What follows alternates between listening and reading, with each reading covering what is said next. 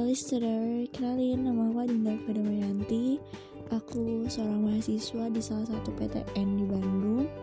Dan aku bikin podcast ini lebih tepatnya karena aku bosan dan karena aku lebih seneng untuk ngomong di depan banyak orang. Karena lagi koronces jadi gak bisa.